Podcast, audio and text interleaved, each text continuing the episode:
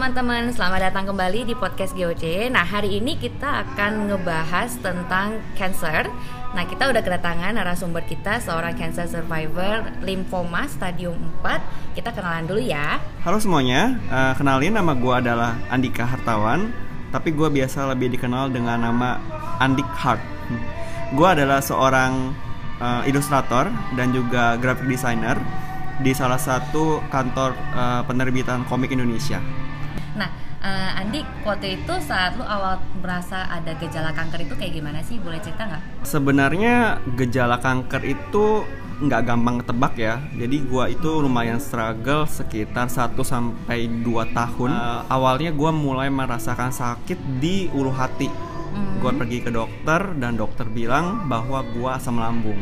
Tapi dikasih obat dan tidak membaik gitu loh gue sampai ke tiga rumah sakit dengan tiga dokter spesialis penyakit dalam atau dokter internis ya sebutannya. Yeah. Tiga dokter berbeda, tiga rumah sakit berbeda, tapi semuanya didiagnosa tetap asam lambung. Nah mungkin itu adalah awal-awal stadium kanker gitu. Tapi karena tidak ditangani dengan uh, penanganan kanker jadi didiamkan saja waktu itu mungkin waktu itu sel kanker masih awal-awal dan sudah mulai menyebar sakitnya mulai merambah ke banyak titik di tubuh gua hmm. seperti tulang belakang gue suka sakit uh, lalu bagian uh, gigi gue juga suka sakit uh, gue suka migrain dan waktu itu migrain dan sakit gigi menyebabkan muka gue yang sebelah kiri itu seperti orang stroke oh. jadi mati rasa gitu.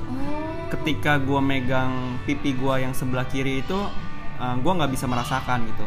Bahkan ketika gue makan gue tidak bisa merasakan kunyahan makanan gue yang di sebelah kiri. Waktu itu gue udah mulai uh, stres ya. Sebenarnya gue sakit apa gitu tapi gue memang nggak ada pikiran bahwa gue kanker gitu loh. Karena siapa sih yang mikir bahwa gue masih muda kena kanker gitu kan? Hmm. puncaknya adalah sebulan sebelum gue didiagnosa kanker gue tidak bisa makan sesuap nasi pun. Berat badan gue udah mulai turun-turun-turun. Uh, akhirnya gue diralikan ke rumah sakit di Jakarta Barat dan akhirnya gue di opname gitu hmm. dari situ gue mulai melakukan banyak pengecekan gue mulai melakukan CT scan gue mulai melakukan USG segala macam uh, ditemukan bahwa ada sebuah benjolan besar di pankreas gue okay. hmm. uh, akhirnya dokter bilang bahwa prediksinya adalah kanker pankreas Nah, waktu itu prediksi kanker pankreas gitu. Oh, okay. Akhirnya gue dan keluarga memutuskan buat ke Malaysia waktu hmm. itu ke Malaysia dan dilakukan pengecekan juga dokter juga bilang bahwa kemungkinan gue kanker pankreas pada saat gue didiagnosis kanker pankreas itu dunia seakan runtuh Hmm. Kenapa? Uh, ini gara-gara gue baca dari Google ya. Okay. Jadi sebenarnya ada baik atau enggaknya kalau kita googling. Okay. Ketika gue googling tentang kanker pankreas, nah kanker pankreas ini adalah kanker yang dihidap oleh penemu Apple, Steve Jobs. Hmm. Dan ini adalah penyakit langka. Kalau nggak salah ya, sorry kalau gue kalau nggak salah, kemungkinan sembuhnya hanya di bawah 10% atau 5%. Oke. Okay. Bayangkan aja Steve Jobs aja yang orang kaya gitu ya. Pengobatannya udah secanggih apa, itu tidak tertolong. Apalagi gua gitu loh. Yeah. Ya. Uh, dengan orang yang tidak memiliki uh, penghasilan sebesar, sebesar Steve Jobs gitu kan. Waktu itu jujur di depan ruang dokter, gua histeris nangis. Gua bilang gue takut mati gitu. Oke. Okay. Mm -mm uh, saat itu ada mama nemenin berarti? Iya ada mama. Waktu itu gue peluk mama gue. uh, terus mama saat itu responnya gimana? Saat mendengar tentang diagnosa itu juga dari dokter?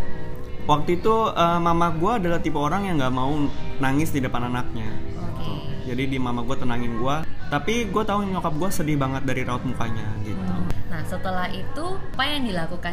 Waktu itu gue akhirnya dokter bilang, an ini baru prediksi gitu. Hmm. Kamu tenang aja dulu gitu kan akhirnya setelah melakukan biopsi ultrasonik jadi dimasukkan alat dari mulut gua ke pankreas gua. Pankreas itu letaknya di luar saluran pencernaan. Jadi kenapa biopsinya khusus namanya biopsi ultrasonik. Jadi menggunakan uh, ultrasonik itu sendiri. Waktu itu gue lebih banyak mendekatkan diri kepada Tuhan ya. Hmm, okay. gue pokoknya banyak banyak mendekatkan diri sama Tuhan. Gue banyak berdoa. Tiba-tiba dokter bilang, oh good news nih kabar baik. Ternyata bukan kanker pankreas. Pada saat itu gue seneng banget. Oh ternyata Tuhan baik ya sama gue bahwa Tuhan itu masih kasih kesempatan gue hidup. Gue bukan kanker pankreas dan dokter bilang hanya infeksi bakteri. Waktu itu setelah mendengar hal itu dokter udah bilang oke okay, gue kasih lo antibiotik lu boleh pulang ke Indonesia. Malam hari sebelum gue pulang ke Indonesia gue doa lagi sama Tuhan.